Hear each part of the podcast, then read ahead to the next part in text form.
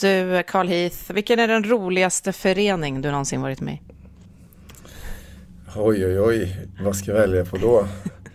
ehm, ro, alltså det finns ju föreningar som har varit roliga för att de har varit meningsfulla och sen finns det ju föreningar som har varit roliga bara för att de, de eh, liksom syftar till att bara vara roliga.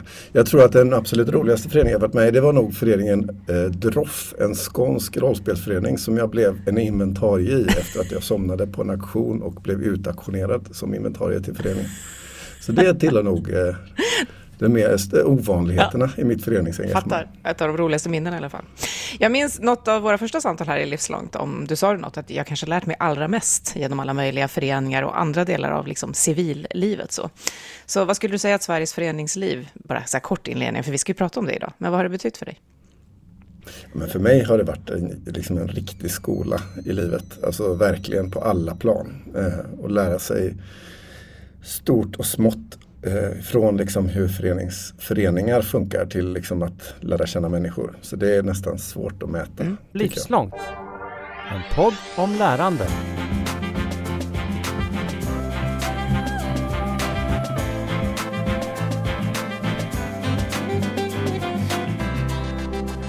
Ja, låt oss ägna det här avsnittet då av det.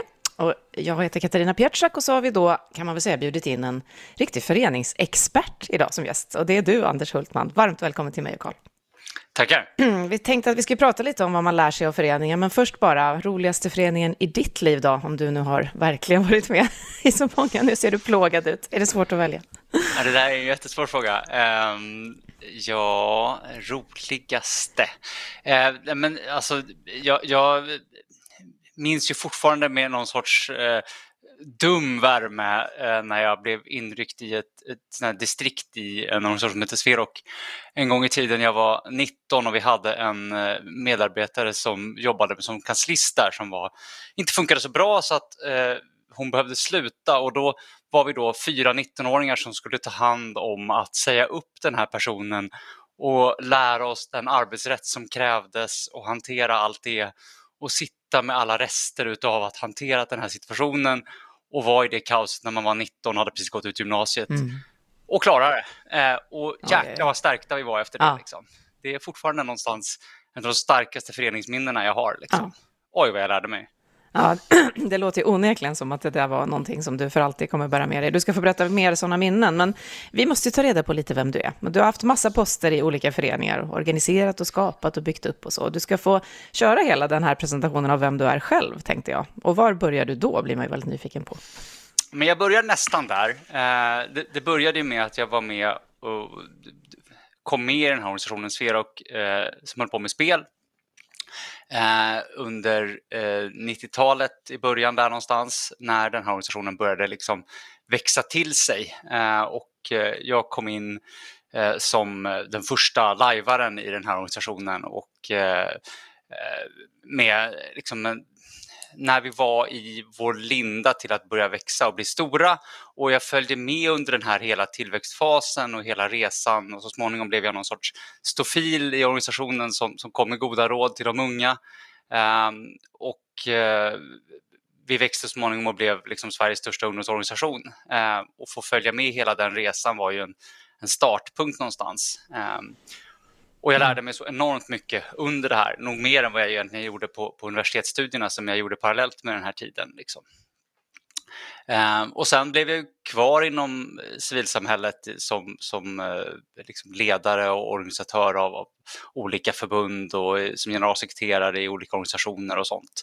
Så småningom så konsult och började hjälpa de organisationer som behövde liksom, erfarenheterna och lärdomarna som, som Sfera och andra hade gjort under åren så, så jag kunde förmedla dem till andra.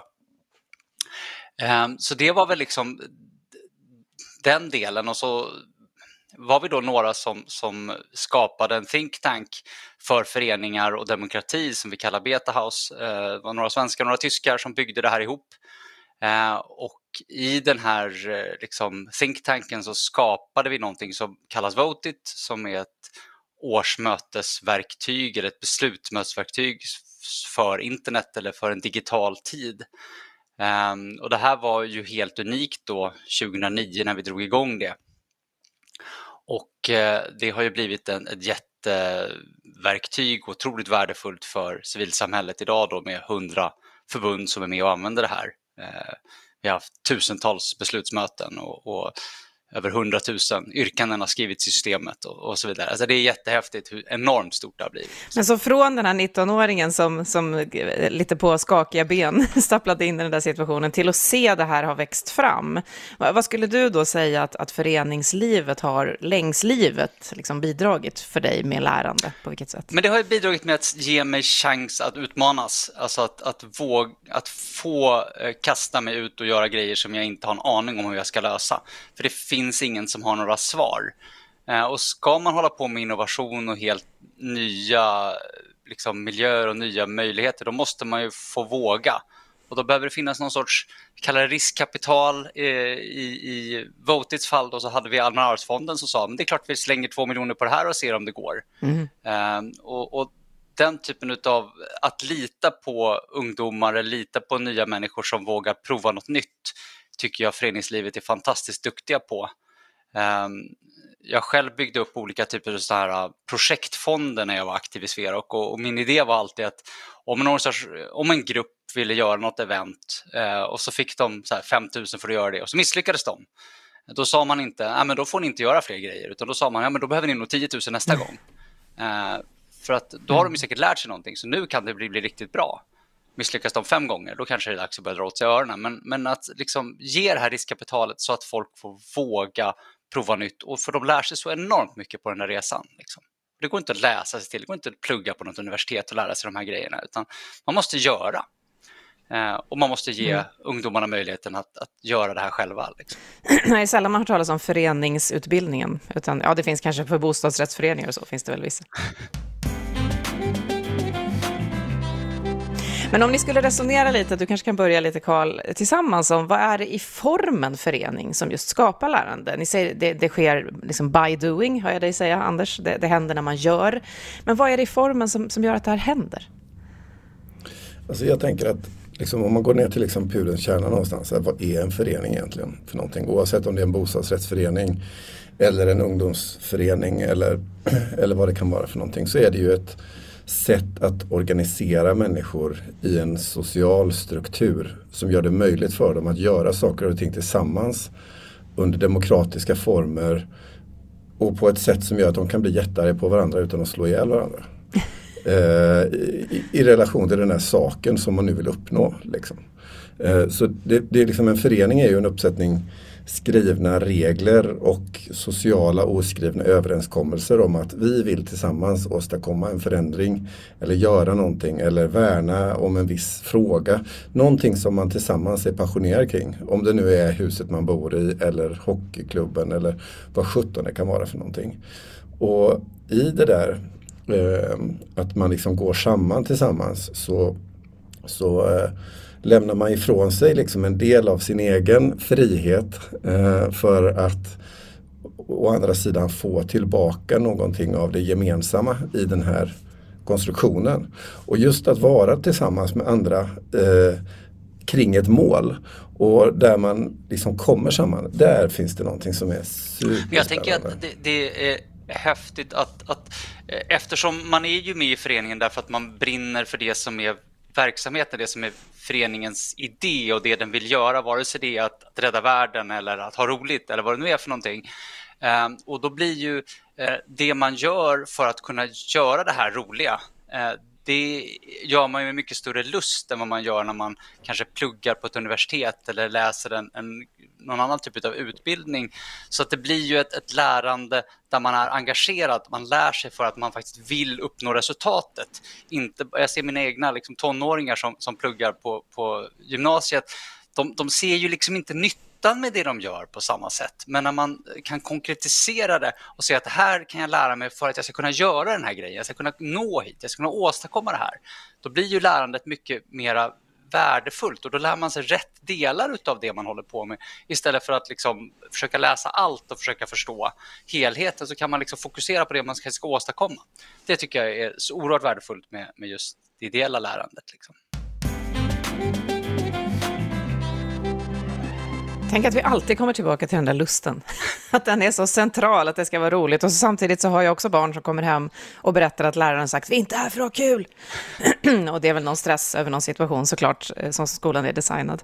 Men vi pratar ju ofta om att, eh, vi, att Sverige och Norden ligger bra till när det gäller olika former av lärande för vuxna. Att vi ändå har, sen har vi kanske inte organiserat det färdigt, men att vi har många olika former i vårt ekosystem för lärande.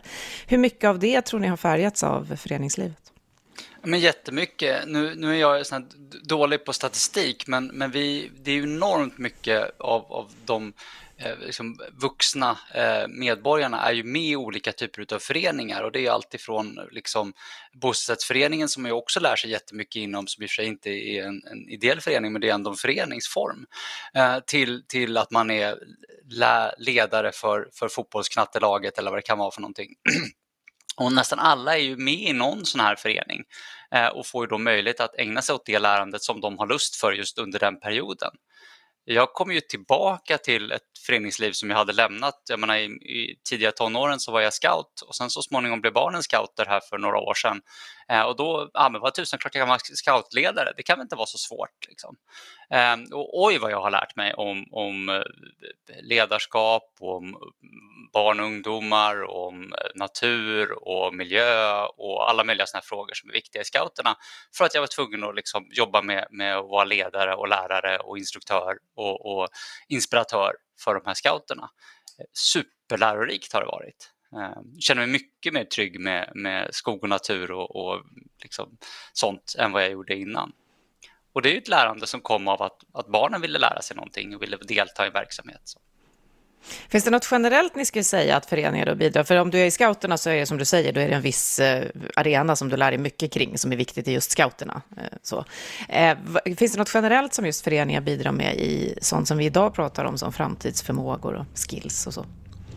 Alltså en sak som ju är jättetydlig, det handlar om förenings, som jag var inne lite på tidigare, det, var, det är ju själva föreningsformen i sig självt. Alltså att man kommer samman i en struktur Eh, för att åstadkomma någonting ihop. Det betyder att man måste ta hand om den där strukturen. Det var det som inte hade funkat Anders i din eh, första upplevelse där. Att det var någonting som var liksom trasigt i strukturen och så var du tvungen att ta dig an det och det i sig var en resa. Liksom. Att ska man kunna göra någonting tillsammans så behöver det finnas en budget och ekonomi och man behöver ha protokoll och årsmöten. Och, och det är ju ett sätt att organisera sig tillsammans. Så liksom allt det där som har att göra med ledning, styrning, organisering, planering, budgetering, eh, hantera människors olika förväntningar på saker, eh, olika åsikter, uppfattningar, människor som blir arga på varandra. Det finns ju hur mycket som helst som finns i hela livet som liksom är i ett mikrokosmos i en förening och att vara en del och engagerad i det där det ger ju en massor av verktyg naturligtvis och kunskaper som som går att använda i, i, i alla tusen olika sammanhang av, av tillvaron. Så det, jag, det är ju en skola i sig själv, liksom själva föreningsformen på något sätt. Eh, för mig har den varit väldigt eh, viktig i hur jag ja, i arbetslivet eller, eller, i andra sammanhang tar mig an saker och ting. Vad säger du Anders? Ledarskap nämnde du till exempel som en sån. Är det något annat sådär som du känner att du har tagit med dig in i allt du gör, som du har fått lära dig i ditt föreningsliv?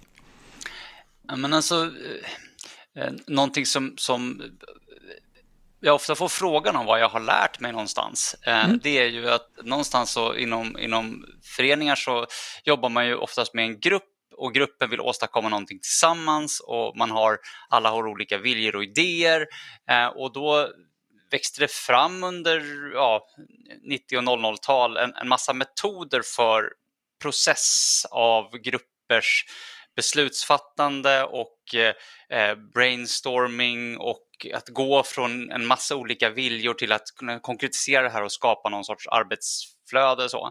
Ehm, och eh, det här lärde jag mig liksom i någon sorts eh, osmos genom att vara i den miljön och liksom se andra och vi experimenterade och vi prövade och hittade på nya lösningar och så här. Och nu i, i mitt liksom civila liv idag så nu jobbar jag ju fullt ut med, med att hela tiden använda de här metoderna. Jag är idag vd för ett IT-företag som håller på med helt andra grejer, men, men det är hela tiden kommer liksom de här metoderna fram, de sitter i ryggmärgen. Jag kan lära mig att ah, men då kör vi liksom en sån här process eller då börjar vi dra i snörena på det här sättet eller så eh, låter vi alla tänka själva och så kommer vi med de här idéerna så att inte det blir bara en som pratar eller vi använder rundor eller vi, vad vi nu gör för någonting.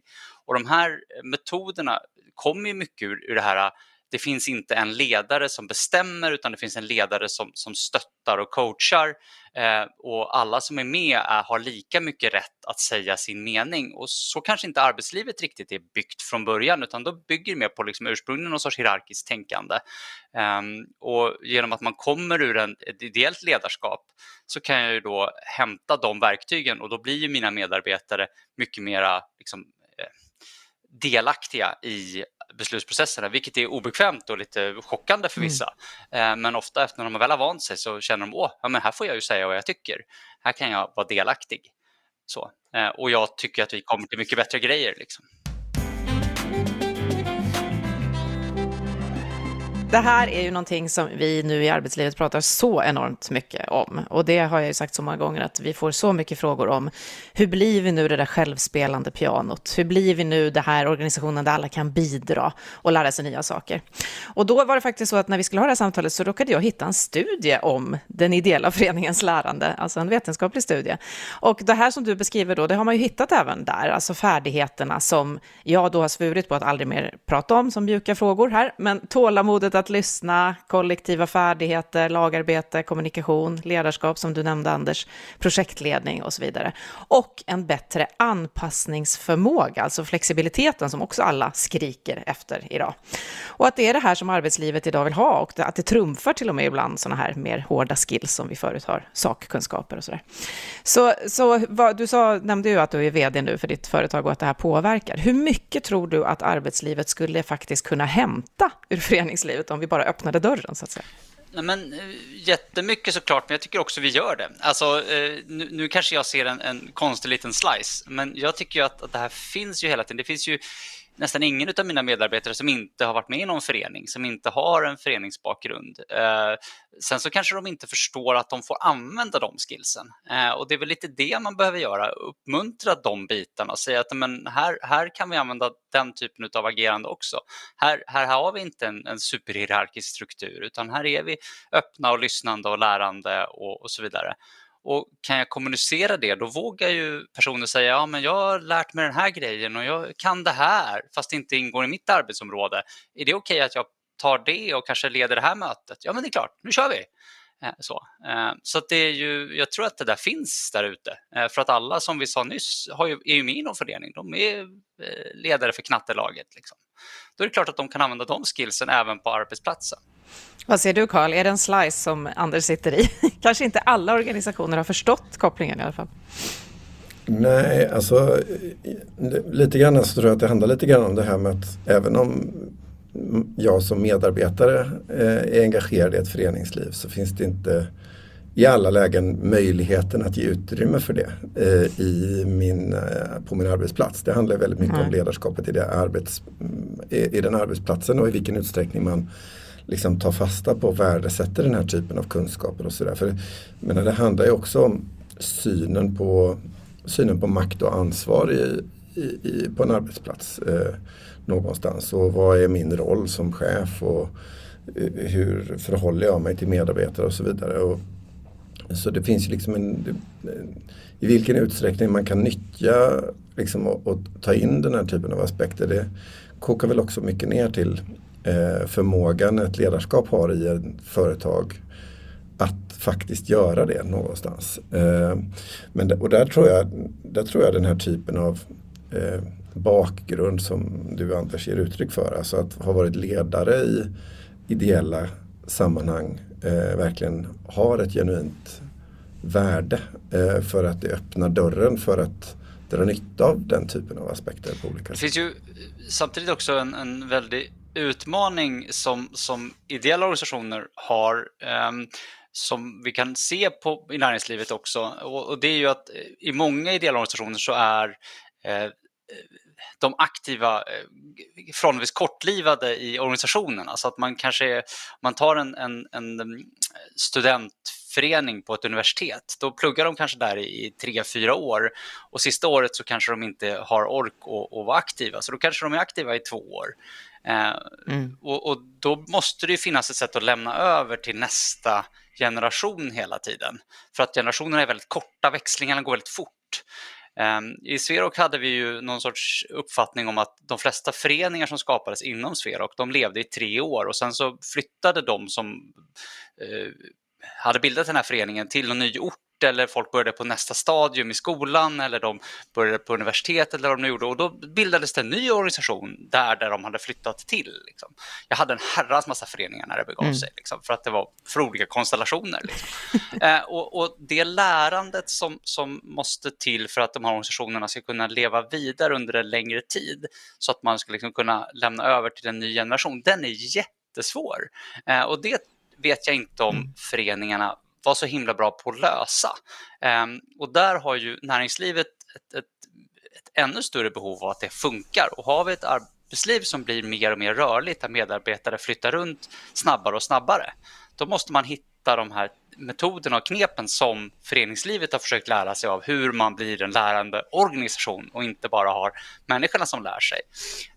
Och, och där tror jag vi kan lära av varandra åt båda hållen någonstans, hur vi, hur vi jobbar med det. Och vad består det av skulle du säga? Vad är det där som är bortom människorna, det här trasslet emellan som man vill kunna skapa och, och, någonting men, fint av tror, och lämna vidare? Jag tror att det är mer kultur än vad det är, vad det är liksom dokumentation. Eh, jag tenderar att inte vara en ja. sån som tror på stora styrdokument, utan att hitta ett sätt att kommunicera idén om vad vi är och idén om vad vi gör. Sen behöver nya eh, generationer, nya personer som kommer in få lösa saker på sitt eget sätt. Ehm, för om vi försöker skriva styrdokument för hur saker ska vara och sen ska det här gälla i liksom tio år, det kommer inte fungera. Då kommer folk bara känna så att det finns något dokument som säger det här någonstans, jag vågar inte göra någonting för jag kanske går emot det. Mm. Eh, kan jag istället lära mig kulturen, idén, känslan, varför vi gör det här, eh, då vågar jag ta initiativ, vågar gå framåt. Um, och det är någonting som jag försöker förmedla i, i både föreningar och, och, i näringslivet när jag jobbar med det, att, att vi måste hitta vad är det vi vill göra så att vi kan få en känsla för det, för då vågar vi gå utanför ramarna, prova nytt. Jag, jag, får verkligen en bild av att man skulle kunna skapa en tjänst, alltså så ledarskapsutveckling från föreningslivet. Det finns säkert redan, men, eh, och det får mig också att tänka då, apropå tjänst, på eh, någonting som vi har resonerat lite kring, nämligen att föreningar, eh, upplevelsen av dem är ju ofta analog, alltså man träffas ofta fysiskt. Sen vet jag bostadsrättsföreningar som fortfarande efter pandemin nu i princip bara kör digitalt och så. Eh, men då kan man kanske inte lika mycket lustdriven där, utan måste vara med. Men hur står sig föreningen i vår digitala tillvaro, skulle ni säga? Men alltså det är ju, jag kan börja här då. Eh, det, jag, jag, skulle säga att det, det är superdigitalt. Eh, jag tror att, att, det är helt fel att säga att det är analogt. Eh, det är ju, jag, jag, tittar bara på mina egna tonåringar. De har ju startat föreningar där de bara umgås på Discord, som är liksom den här digitala plattformen. Det är först självklart för dem, för det är ju deras plattform där de eh, kommunicerar med sina vänner. Eh, och då ska de ha en spelförening så är det klart att den spelföreningen har sin verksamhet på Discord.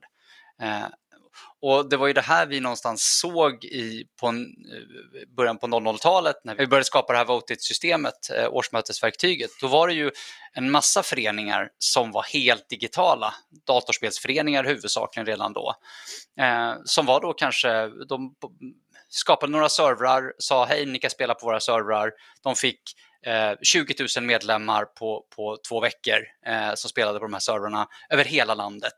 Eh, de hade aldrig träffats fysiskt. Eh, det kanske startades av, av, eh, fem kompisar på någon liten ort i Sverige som hade startat det hela och hade servrarna. Men, men de, skulle ju inte, de var ju inte verksamheten, de hade ju inte anledning, alltså, det var ju en demokratisk förening där alla 20 000 skulle vara med och bestämma. Då ska inte bara de här fem bestämma varför de kan sitta vid samma köksbord. Och då behövde vi skapa en plattform där de kunde då även ha den demokratiska processen digitalt, precis som de hade hela föreningsverksamheten digitalt, vilket var fullständigt självklart för dem. Mm. Um, och det var ju så det här verktyget började växa fram. Uh, och nu är ju det någonting som används av, av liksom Rädda Barnen har, har sina möten digitalt uh, för att det är fullständigt naturligt. Det är så vi jobbar idag. Um, och där har ju pandemin hjälpt oss enormt att, att accelerera den här processen. Att alla skaffar nu verktygen, alla har nu en kamera, alla har nu en tillräcklig mikrofon, alla vet de grundläggande programmen eh, och då kan alla också vara med i den här demokratiska eh, processen och i själva föreningsverksamheten om det är det som, som det handlar om. Det som är däremot en utmaning vad gäller digitalisering och föreningar, det är ju till exempel GDPR, som ju är en ganska svårt regelverk för föreningen att hantera. Framförallt de föreningar då där alla medlemmars identitet blir känsliga personuppgifter därför att de håller på med mm. någon funktionsnedsättning eller de håller på med någon annan problematik som gör att de, liksom allting blir känsliga personuppgifter direkt. Det blir en, en utmaning och fackförbund och sådär. Mm. Vad säger du Karl, har, har vi kunnat överföra allt in i den digitala föreningen? allt det här fina vi har pratat om att vi får. Mm. Alltså jag delar Anders bild i stort eh, vad gäller liksom hur utvecklingen har gått de här 20 åren. Samtidigt så finns det ju andra dimensioner av föreningslivet om man ser det eh, i det digitala där det tycker jag finns utmaningar men de liksom egentligen inte kanske speglar föreningslivet i sig själva bara utan blir liksom, men där det blir väldigt synligt med föreningslivet. Jag tänker till exempel på Eh, Eh, var och hur föreningslivet umgås och diskuterar och samtalar med varandra och för vem de här verktygen är skapade. Alltså det är inte ovanligt att ett, en föreningssammanhang väljer att finnas på eh, Facebook eller WhatsApp eller ha sina olika, eh, använda olika typer av verktyg som kanske inte är syftade till att eh, användas just i det ändamålet. Eh, och, och Sen finns det ju exempel på motsatsen, alltså som det Anders beskriver i Votit. Eh, och det finns eh, liksom en eh, gradskillnad däremellan någonstans. Och en annan, en annan dimension, det handlar ju om var i föreningslivet vi pratar och liksom hur, hur digitaliseringen ibland kan också vara till men eh, för vissa typer av samtal och sammanhang. Eh, och då tänker jag inte minst på ganska stora föreningar där alltså det mellanmänskliga mötet eh, automatiseras bort. Eh, alltså till exempel om du har en före- i stor idrottsförening och så har du eh, där liksom det sociala dynamiken och lärandet uppstår i mötet mellan människor. Men eftersom resten av samhället automatiseras gör man det också i, i, i föreningen och så går man ifrån att ha det här sociala mötet eh, med receptionister man kommer till eh, liksom, i föreningen lokal till att blippa in sig till exempel. Ja, då har vi ju tagit bort en del av det som formar kärnan i vad en förening är. Att det är det här Alltså att det finns en mellanmänsklighet i ett sammanhang. Så det finns, jag kan se att det finns massor av möjligheter och positiva saker, precis det Anders beskriver, som gör att en förening bara kan finnas eh, digitalt till exempel, eller vad det nu är. Men, men det finns verkligen andra aspekter också, så det är en lite komplex bild tycker jag.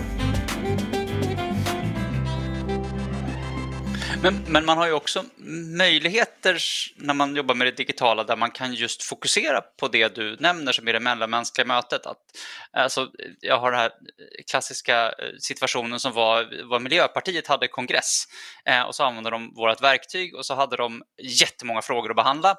Eh, men så hade de massa bra diskussioner i sån här eh, rörligt påverkanstorg där de, där de går runt och pratar med varandra och diskuterar de här frågorna. Så märkte de att de hade så många beslut att ta så de skulle inte hinna fortsätta diskutera och ta hela beslutsprocessen på plats under den tiden som kongressen varade. Och då tog de det radikala beslutet, äh, vad tusan, vi, vi fokuserar på att prata med varandra, för det är det vi är här för. Och sen kan vi sitta och rösta på tåget hem. Eh, för det gör man ändå digitalt. Så då fortsätter de att ha debatten och så avslutade de eh, liksom det fysiska mötet och sen fortsatte mötet online genom att de satt och röstade på tåget och klickade. För då behöver man ju ändå inte sitta i samma rum. Det spelar ju ingen roll.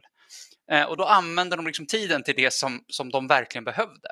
Och det tycker jag var en, en häftigt sätt att se hur digitaliseringen kan leda till mer samtal och mer fysiska möten än vad det annars hade gjort. Mm. Då är vi tillbaka vid det vi brukar prata om.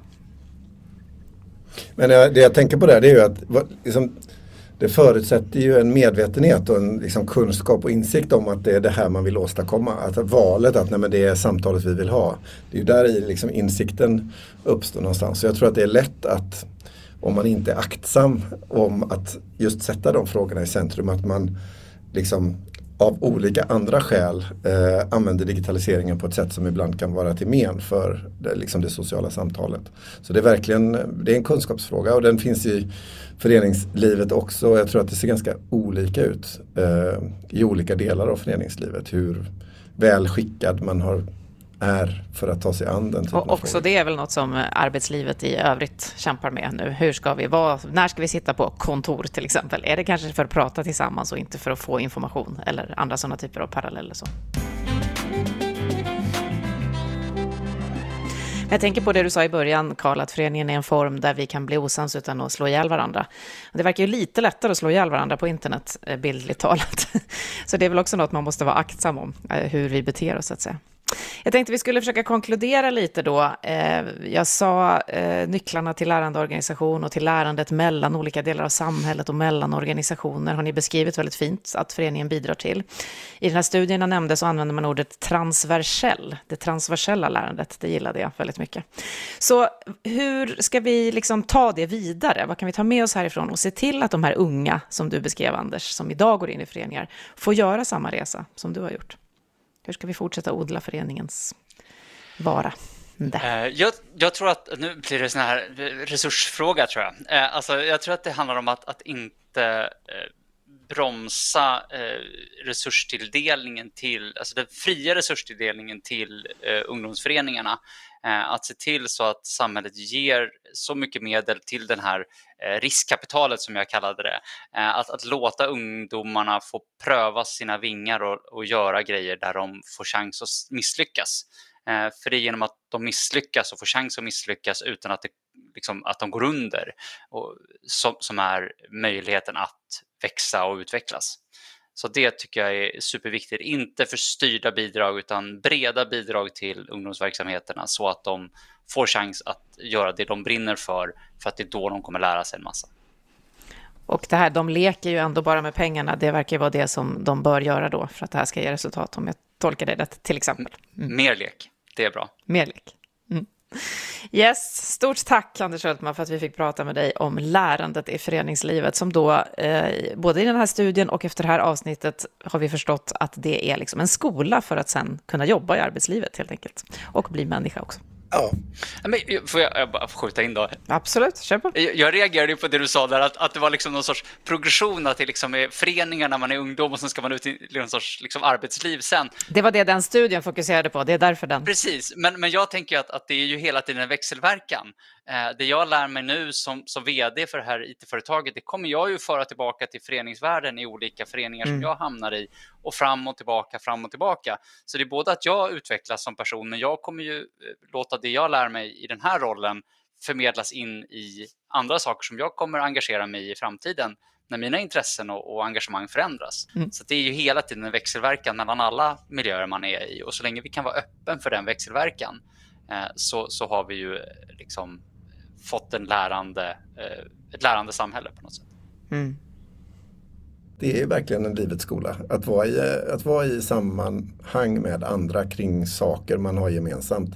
Det är ju en jättefin del av att vara människa någonstans och ett stort lärande i sig själv. Jag tycker det finns liksom ett egenvärde som man ska eh, ja, men som är viktigt eh, i sammanhanget.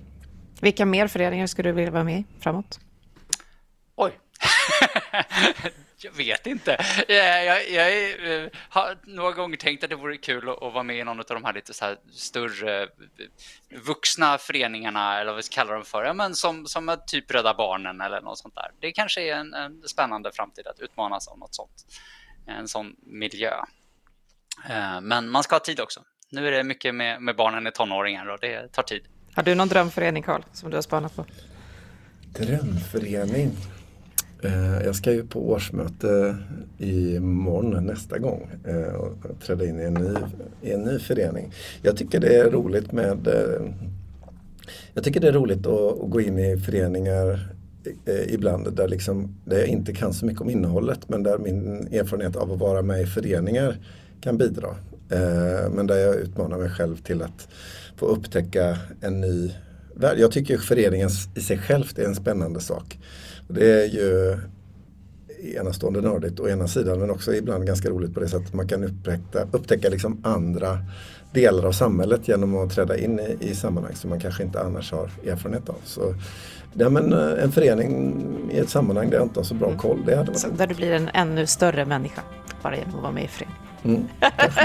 Ha det bra hörni. Skoj. Eh, trevlig helg säger vi när vi spelar in det här. Och tack för att jag fick prata med er om lärande i föreningslivet. Ha det så jättebra hörni. Detsamma. Hej hej. Hej. Du har just hört Livslångt, en podd från RISE om allt det där man lär sig i livet. Vi hörs om en vecka igen.